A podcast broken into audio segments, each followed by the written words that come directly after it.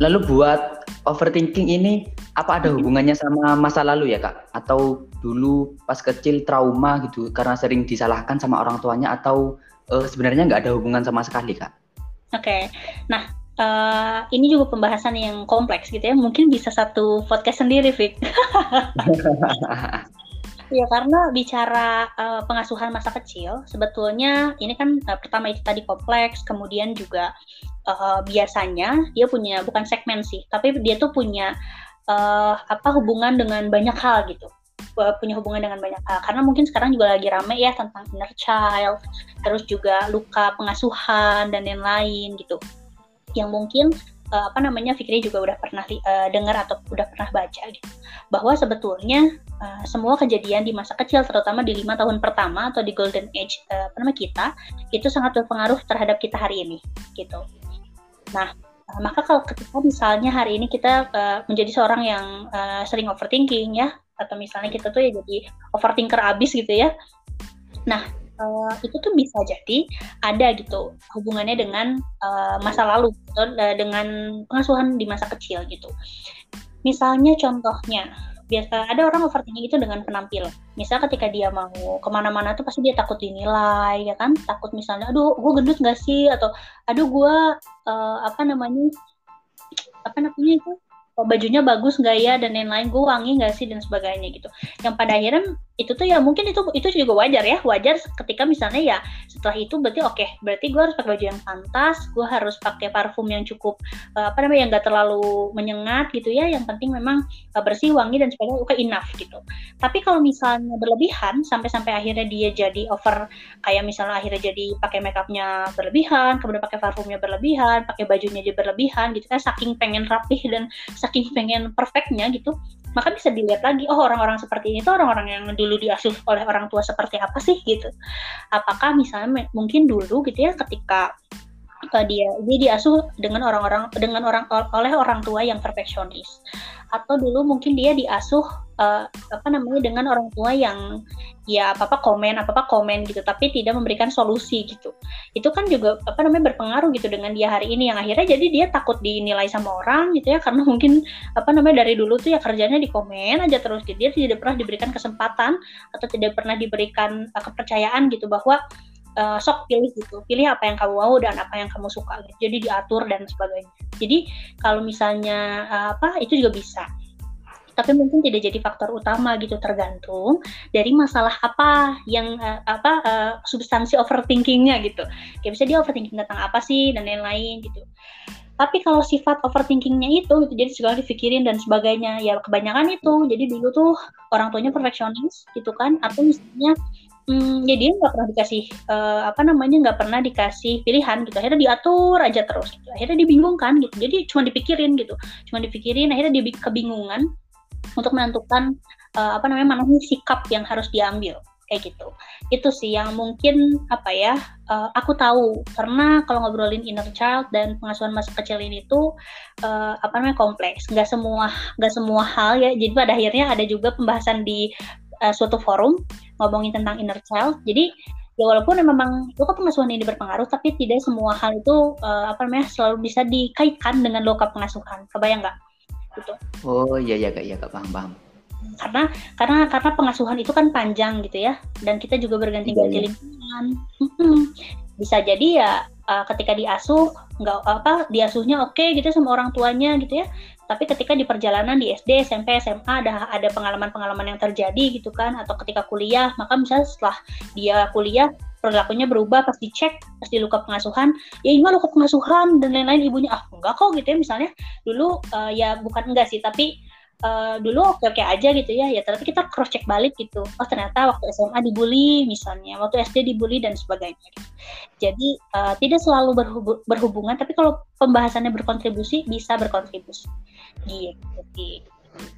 Oh gitu. Berarti uh, untuk melihat pengasuhan masa kecil ini nggak cuma di waktu sebelum sekolah aja ya kak? Bisa pas waktu SD SMP SMA gitu ya kak Betul, betul banget. Karena sebetulnya walaupun uh, apa namanya kita kan diasuh ya biasanya kan diasuh itu kan setelah ini ya. Eh diasuh itu kan sampai bukan bukan diasuh sampai kuliah. Tapi biasanya orang-orang yang setelah kuliah kan maka dia memutuskan untuk menikah, memutuskan untuk kerja dan sebagainya gitu. Maka pola-pola pengasuhan ini yang gak cuma yang lima tahun pertama aja, tapi memang yang sangat-sangat berpengaruh itu yang di lima tahun pertama. Tapi seandainya yang lima tahun pertama itu ternyata misalnya nggak ada masalah gitu ya, bukan nggak ada masalah sih. Tapi ya se sejauh ini kayaknya nggak ada gitu yang berhubungan dengan dia yang hari ini. Maka di cross check waktu pengalaman waktu SD, SMP dan SMA gitu.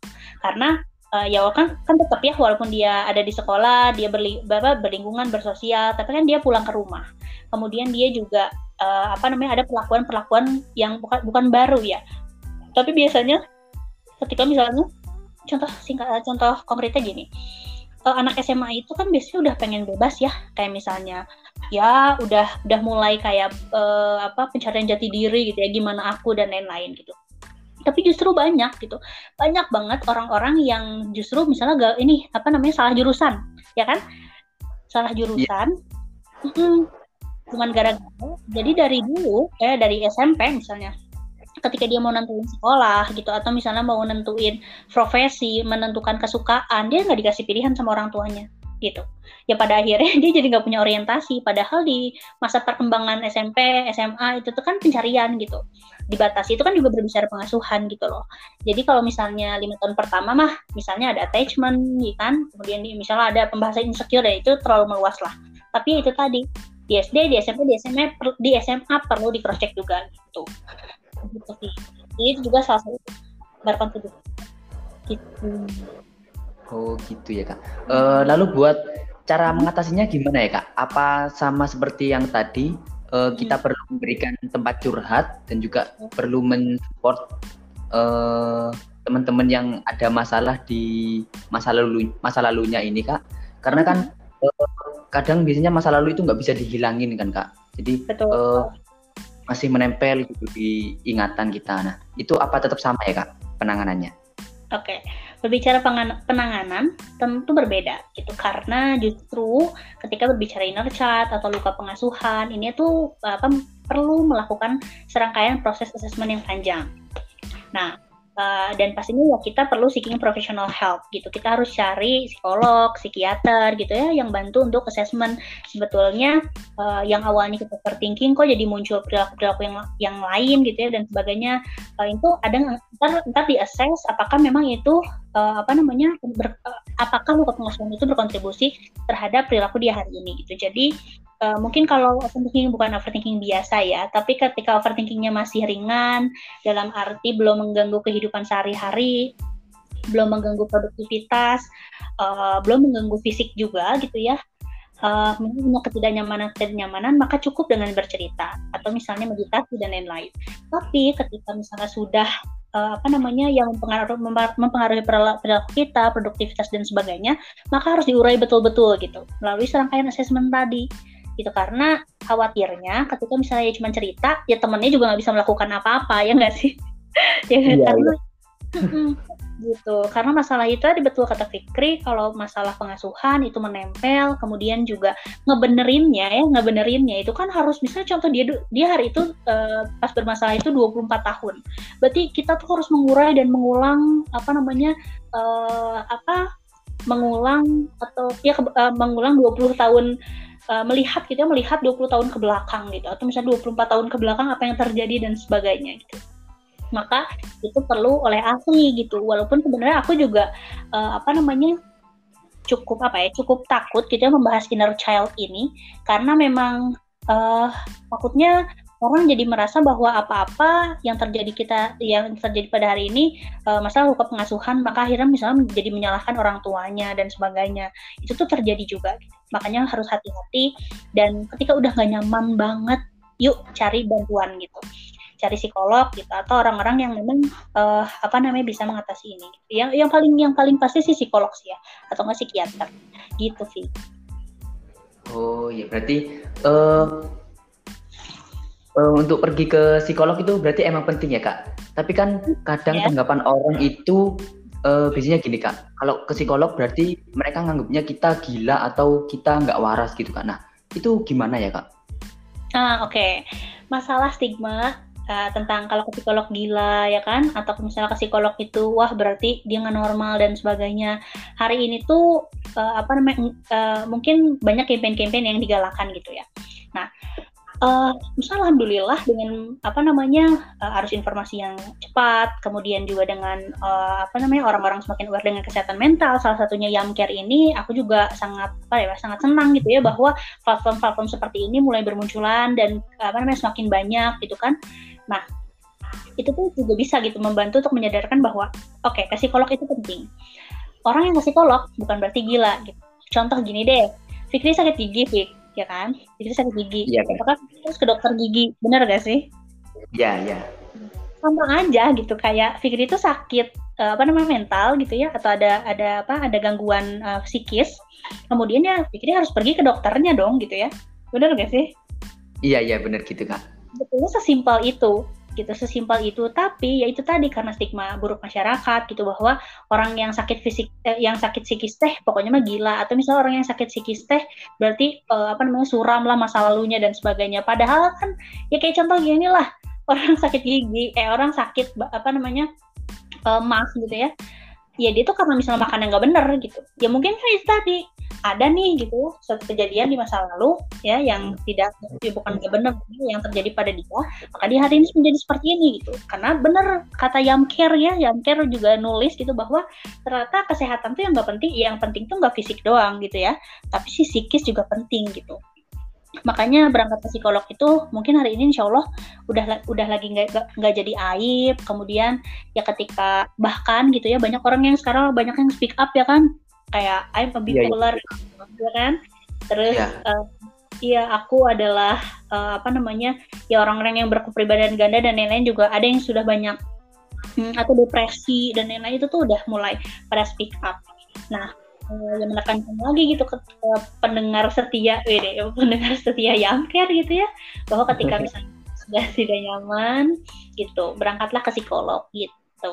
Dan di psikolog tuh ya sebenarnya cuma cerita dan harga kalau misalnya ada yang orang yang ngomong kan ya uh, selain apa stigma orang gila itu tapi ada juga yang ngomong ah mahal gitu ya curhat doang dua ratus ribu atau misalnya curhat doang uh, apa namanya makan uh, apa uh, ya butuh biaya yang banyak. Seberapa apa bedanya ketika dia uh, ke rumah sakit? Kalau dihitung-hitung dikalkulasi sebenarnya lebih mahal ke dokter ke dokter-dokter uh, yang mengobati fisik. Benar nggak sih Fik? Iya ya benar kak. Karena emang kesehatan itu mahal kan kak ya Iya mahal banget, misalnya belum sama resep tuh lima ratus ribu pasti habis gitu. Tapi kalau iya. misalnya ke psikolog long dapet ya kan, mungkin juga bisa lebih uh, apa namanya dapat solusi dan lain-lain. Ya pada akhirnya sebenarnya sama-sama aja. Gitu. Ya cuman tadi masalah apa namanya uh, stigma masyarakat yang masih menjamur gitu. Walaupun memang uh, campaign kesehatan mental juga uh, menjamur juga. Tapi alhamdulillah uh, mungkin untuk orang-orang di bidang apa namanya psikologi atau di bidang psikiatri merasa bukan lebih tenang ya gitu, tapi terbantu gitu dengan platform-platform ya seperti Yamcare ini gitu atau platform-platform lain yang bergerak di bidang yang sama gitu. Karena bantu campaign nih gitu. Karena kan jumlah psikolog itu kan sebenarnya sedikit gitu. Kalau dijumlahkan dengan uh, apa namanya uh, masyarakat Indonesia. Jadi sebenarnya masih sangat-sangat kurang gitu. Makanya uh, dengan platform seperti ini bisa gitu melakukan uh, apa namanya tindakan-tindakan uh, seperti edukasi dan lain-lain itu bermanfaat banget buat orang orang-orang di luar sana. Tergerak. Oh iya, jadi uh, sebenarnya yang perlu dibenarkan ini stigma dari masyarakat itu sendiri ya kak, biar nggak uh, menganggap uh, orang yang ke psikolog itu gila ataupun nggak waras gitu. Padahal uh, sebenarnya kita sama-sama pengen mengobati uh, luka kita atau mengobati uh, rasa sakit kita seperti itu ya kak. Betul betul banget gitu. Jadi stigmanya iya. gitu. Ayo berangkat iya. ke psikolog gitu. Jadi Iya, uh, jadi buat teman-teman semua uh, jangan takut ya pergi ke psikolog karena nggak uh, semuanya yang ke psikolog itu uh, gila dan nggak semuanya yang ke psikolog itu nggak waras. Jadi uh, kalau me kalau memang ada gejala-gejala uh, kesehatan mental teman-teman terganggu, mungkin bisa langsung aja ke psikolog uh, terdekat di rumah teman-teman, gitu ya kak? Betul, betul banget. Bahkan sekarang udah banyak yang online dan banyak yang gratis juga. Itu jadi mudah diakses. Gitu. Nah, kan itu semakin dipermudah buat ke psikolognya. Uh, Oke, okay, kita kembali ke topik yang awal tadi ya, Mbak, mengen ya Kak, mengenai overthinking. Nah, tadi Kak Adel menyebutkan kalau overthinking ini berhubungan sama anxiety ya, Kak. Nah, kira-kira hubungannya ini seperti apa, Kak? Apa overthinking bisa menyebabkan anxiety atau anxiety-nya malah yang bisa menyebabkan overthinking atau malah dua-duanya ini berpengaruh, Kak? Oke. Okay. Nah, bicara apa, apa namanya uh, related ya, atau misalnya hubungan antara si overthinking dengan anxiety ini gitu. Nah, sebenarnya ketika orang yang overthinking gitu biasanya dia uh, apa namanya didorong dengan perasaan-perasaan cemas. Ya nggak sih? Kayak yang tadi ya contoh yang wawancara kerja tadi gitu ya. Bahwa dia cemas gitu dia cemas dia merasa takut ketika apa namanya menghadapi esok hari gitu. Makanya akhirnya dia jadi overthinking. Dan sebaliknya gitu ketika kita overthinking atau terlalu mikirin apa namanya hal-hal yang misalnya nggak nyata dan lain-lain kita justru malah tersuges menjadi cemas gitu. Jadi dia tuh dia tuh saling dia saling berhubungan gitu dan kalau apa namanya uh, dari over dari apa kalau misalnya yang mungkin Fikri juga bisa rasakan bahwa sebenarnya ketika overthinking kecemasan itu tuh adalah salah satu hal yang justru pasti gitu dirasakan. Bener gak? Iya, bener kak, bener. Biasanya kalau mau presentasi gitu pasti bingung hmm. cemas gitu. Ya besok gitu. gitu. Karena ya itu tadi jadi kecemasan itu salah satu muatan emosi negatif yang biasanya muncul ketika kita overthinking. Jadi kalau misalnya ngobrolin berhubungan sangat-sangat berhubungan gitu. Gitu sih kalau misalnya ngomongin hubungan gitu ya. Tapi uh, apa sebenarnya wajar nggak sih gitu? Wajar nggak sih anxiety itu gitu? Atau misalnya wajar nggak sih cemas tuh gitu? Kan kadang ada udah jangan cemas gitu ya. Kayak gimana? gitu. Ini kan perasaannya juga masa muncul tiba-tiba gitu kan. Karena mungkin pikiran kita yang tadi ke mana-mana dan lain-lain kita jadi cemas ya wajar-wajar aja. Bahkan ada yang bilang loh kalau misalnya orang yang cemas itu tuh ya uh, apa namanya kadang jiwa bukan jiwa jiwa sih ya. Hmm, kadang perilaku perilakunya itu tuh ketika misalnya dia tadi ya ketika dia produktif atau misalnya ketika dia akhirnya jadi oke okay, eh, kecemasan ininya kecemasannya diolah kemudian kecemasannya itu dijadikan sebuah upaya aktif maka sebetulnya akan bagus. Karena aku punya teman-teman uh, punya adik kelas juga dia tuh pencemas habis tapi ketika dia mau ujian atau misalnya ketika dia mau uh, ya, ya apa ya misalnya mau lomba dan lain-lain ya dia tuh siap gitu. Dia tuh siap kemudian dia tuh lebih matang gitu. Karena apa? Karena akibat si kecemasannya itu gitu. Jadi makanya tadi ketika kecemasan yang dia miliki itu dibarengi dengan upaya aktif maka sebenarnya kecemasan itu ya malah akan jadi bukan baik ya tapi ya berdampak baik gitu buat dia gitu. Oke berarti sebenarnya uh, cemas dan overthinking ini memang saling berkaitan dan kayak nggak bisa dipisahkan gitu kayak ya kak ya kayak uh, saudara ya. kembar jadinya uh, kalau satu muncul satunya pasti muncul gitu ya kak Iya betul, uh, karena itu pengalaman sebenarnya belum ada riset, uh, kalau misalnya riset terkait dengan apa namanya hubungan antara anxiety dan overthinking itu banyak dan bilang bahwa itu berhubungan. Tapi uh, apa namanya kalau uh, melihat konsep kalau tadi kata Fikri saudara kembar, mungkin uh, bedanya kalau anxiety itu sifatnya perasaan. Maksudnya sifatnya perasaan itu ya, ya sifatnya itu emosi atau perasaan. Nah, kalau overthinking itu dari pikiran gitu. Kemudian juga uh, anxiety ini juga apa namanya biasanya tidak hanya uh, apa ya tidak hanya uh, berbicara mengenai masalah psikis gitu tapi fisik kadang orang-orang yang cemas kan nggak cuman e, merasa cemas aja gitu, tapi muncul perilakunya misalnya jadi deg-degan gitu ya, jadi jantungnya berdebar, keringetan, ya tangannya misalnya, atau kadang kalau ada yang panic attack tuh ya sampai dia tuh e, napasnya pendek dan lain-lain. Nah, maka sebetulnya e, mereka berhubungan, tapi memang secara konsep itu berbeda, gitu sih.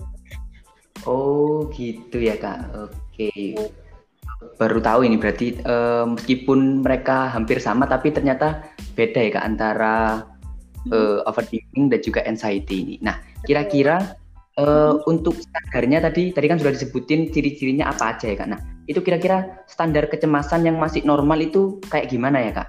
Dan okay. misal kalau uh, kalau misal kita udah melebihi standar itu nih, uh, cara kita buat mengatasinya itu gimana ya kak?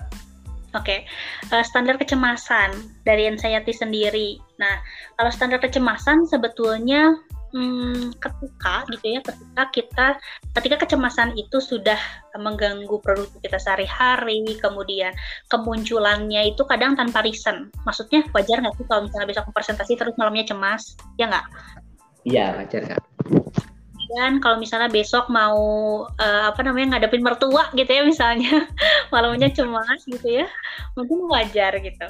Tapi kalau misalnya kadang cemasnya itu tanpa reason gitu ya atau tanpa alasan itu juga harus sudah dipertanyakan gitu. Atau panik attack-nya itu datangnya tiba-tiba maksudnya nafas tiba-tiba tersengal-sengal walaupun tetap ya pasti ada triggernya gitu. Tapi maksudnya ya ketika misalnya kita udah nggak bisa kontrol itu maksudnya sampai ada yang sampai ketika cemas itu tangan itu dasarnya tuh parah sampai bisa apa ya sampai bisa ngalir gitu airnya Fik. Itu temanku ada yang kayak gitu. Maka itu itu itu kan sudah namanya itu psikosomatis. Maka dia sudah perlu uh, apa namanya penanganan dari ahli juga gitu. Karena itu tadi wah itu udah mengganggu uh, apa namanya kehidupan sehari-hari gitu. Itu membahayakan kan ketika misalnya dia main laptop tangannya basah kan itu bisa kesetrum dan lain-lain. Atau ketika dia apa namanya di suatu kondisi gitu ya yang mungkin kita nggak pernah tahu ya gitu bahwa uh, apa saja tuh bisa apa ya bahaya itu bisa terjadi ke diri kita gitu. Nah, kemudian misalnya ada panic attack, dia cemas, terus nafasnya tersengal-sengal, kebayangkan dia juga mungkin bisa apa namanya uh, wafat atau meninggal di situ juga. Nah, ketika kita tidak tahu cara mengatasinya gitu, atau misalnya uh, kita ya gimana ya caranya gitu, ya berarti kita uh, nah, maka kita akan maka itu akan menjadi bahaya gitu. Dan ketika uh, kalau misalnya ngobrol wajar apa nggak wajar itu udah nggak wajar gitu. Maka coba dicek gitu ya apakah misalnya ketika teman-teman merasa cemas sudah meng sudah mengganggu fungsi diri sehari-hari enggak atau teman-teman tuh misalnya saking cemasnya jadi nggak mau berangkat ke kampus gitu misalnya. Karena duh takut ada apa-apa di jalan dan lain-lain gitu. Tapi cemasnya tuh ya padahal kan sebenarnya uh, oke okay, takut sektor terus ya kenapa takut misalnya? Ya karena takut tabrakan dan lain-lain. Oke oke gimana cara mengatasinya? Oh, pakai helm dan sebagainya. Tapi mau pokoknya takut nggak mau dan lain-lain. Nah maka itu kan berarti udah mengganggu ya. Dia jadi nggak produktif jadi nggak bisa ke kampus dan sebagainya. Maka sudah memerlukan penanganan. Nah atau uh, dia sudah memunculkan reaksi fisik yang tidak nyaman yang tadi. Uh, apa? Reaksi fisiknya itu tuh ya, ya sama mengganggu kehidupan sehari-hari juga gitu. Makanya uh, ayo gitu kan balik lagi konsul. Nah, kalau misalnya mau ngomongin standar sebetulnya kita perlu lihat uh, apa namanya ada namanya DSM 4 gitu uh, atau DSM 5 yang sekarang namanya sudah keluar. Nah, di DSM ini kan itu sebenarnya kayak standar apa ya kayak buku atau kamus gitu ya. Kamus ciri-ciri orang yang misalnya di, di diagnosa misalnya anxiety disorder. Maka selama misalnya eh, apa namanya kalau bisa tapi buku ini tuh memang bukan hanya bisa diakses mungkin bisa diakses oleh siapa saja gitu tapi kalau misalnya diakses oleh eh, apa orang-orang di luar dari bidangnya khawatirnya menimbulkan self diagnose kayak misalnya ya dia me, apa namanya mendiagnosa uh, sendiri gitu ya tanpa uh, apa namanya pertimbangan dari ahli gitu. makanya ketika dua hal tadi udah ganggu diri apa fungsi diri sehari-hari ada reaksi fisik yang tidak nyaman sangat tidak nyaman maka berangkatlah konsul gitu. Itu sih Fik, kalau untuk oh. dari kecemasan sendiri. Iya jadi meskipun udah ada panduannya tetap harus ke psikolog ya kak karena biar nggak salah persepsi gitu dalam mendiagnosa. Itu. Ya. ya. Uh, lalu uh, buat gender ini apa ada hubungannya ya kak ke insight ke anxiety ini? Karena uh, beberapa teman saya itu yang perempuan umumnya itu malah lebih banyak anxiety-nya ini kak. Gimana ini kak? Oke. Okay. Nah, sebenarnya ini juga lucu ya, bukan lucu sih, tapi lebih ke kayak ketika aku uh, apa namanya cari informasi juga mengenai ini gitu, bahwa jurnal-jurnal itu banyak yang udah ngebahas ini Fik, gitu. Nah, ada beberapa uh, dari dari banyak jurnal gitu ya, ya maksudnya uh, ya dari banyak jurnal yang aku baca juga bahwa rata-rata memang betul anak apa perempuan itu tuh cenderung lebih uh, apa pencemas gitu ya dari laki-laki. Terus kenapa ya kok bisa kayak gitu gitu? Padahal kan sebenarnya uh, ya apa ya maksud kita manusia sama-sama dapat masalah dan lain-lain gitu. Mau itu perempuan mau itu laki-laki walaupun laki-laki kan harus kuat dan lain-lain gitulah ya nggak boleh nangis dan sebagainya gitu. Tapi iya. stigmanya kayak gitu gitu pada ya nggak apa-apa gitu ya. Bahkan bisa jadi laki-laki lebih cemas. Tapi secara persentase orang-orang yang didiagnosa uh, apa namanya uh, didiagnosa GAD atau uh, apa dapat general anxiety disorder itu rata-rata di perempuan. Dan itu presentasinya itu dua kali lipat lebih banyak dari laki-laki gitu. Berarti kebayangkan gitu ya bahwa oh ternyata perempuan itu pencemas walaupun memang realitanya juga kayak gitu gitu ya. Tapi pasti pertanyaannya emang kenapa? Ya nggak sih? Iya iya. Ya gitu. Uh, kadang juga gitu ya Hmm, pertanyaannya kenapa? Ya kayak tadi kan ada apa ya mau laki-laki perempuan juga sama aja. Jadi ternyata uh, mungkin kita juga semua tahu gitu bahwa fluktuasi hormon di perempuan itu tuh kan lebih banyak eh, apa uh, apa namanya lebih apa ya lebih banyak. Kayak misalnya uh, ketika mau apa ya mau hate biasanya kan perempuan tuh jadi suka kayak marah-marah gitu ya atau yang kita bisa bilang PMS gitu ya. Oh iya betul kak. lagi PMS ya gitu kan marah-marah dan lain-lain. Nah itu kan adalah satu bentuk fluktuasi hormon gitu. Nah uh, perempuan uh, terjadi setiap bulan gitu. Maka kebayang gitu ya, uh, apa namanya perempuan dan laki-laki itu kenapa lebih cemas perempuan itu tadi karena fluktuasi hormonnya yang memang membuat si uh, apa perempuan ini menjadi lebih pencemas kayak gitu. Karena ya mau nggak mau ya kadang kan ah perempuan mah suka banyak pikiran dan sebagainya. Emang cowok enggak gitu ya. Tapi ya itu tadi karena pengaruh hormon tadi maka uh, apa namanya menjadi uh, apa ya mudah cemas kemudian juga uh, suasana hati jadi tidak stabil dan sebagainya itu karena kan hormon itu kan sangat mempengaruhi suasana hati ya Fik ya? Iya betul kak. Hmm, gitu. Itu sih karenanya kenapa begitu Oke, udah banyak banget ternyata ya uh, informasi yang kita dapat dari Kak Adel ini mengenai overthinking dan juga anxiety.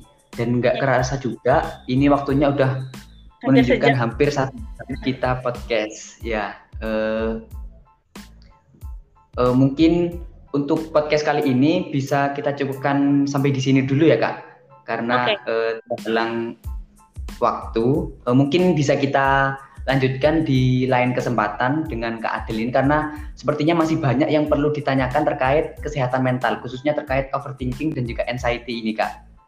Oke, iya terima kasih juga Fikri atas kesempatannya dan uh, apa namanya mohon maaf juga apa namanya kalau ada uh, apa pemaparan penjelasan yang kurang dipahami dan mungkin kita bisa diskusi di apa namanya tempat lain gitu ya atau mungkin nanti bisa uh, apa namanya di sosial media atau misalnya nanti kalau misalnya ada oh ya kalau misalnya ada tanggapan terkait dengan apa yang aku sampaikan itu juga aku sangat terbuka untuk berdiskusi. Maka sebetulnya aku sangat senang gitu ya Fik udah di apa namanya ajakin kolaborasi di podcast ini. Ya, semoga sedikit informasi yang aku sampaikan bisa bermanfaat untuk teman-teman semua. Gitu. Amin. Ya semoga uh, mendengar podcast ini jadi lebih teredukasi setelah mendengarkan podcast kita ini kak. Ya, uh, amin. Mungkin cukup sekian aja untuk podcast kita hari ini. Uh, terima kasih ke kepada Kak Adeliani Biagi yang telah menyempatkan waktunya uh, untuk datang di podcast kita ini. Semoga kita bisa ketemu lagi di lain waktu dan tetap jaga kesehatan ya Kak. Terima kasih. Terima kasih juga Fikri, jaga kesehatan juga. Terima kasih juga Yamker. Iya, sama-sama. Oke.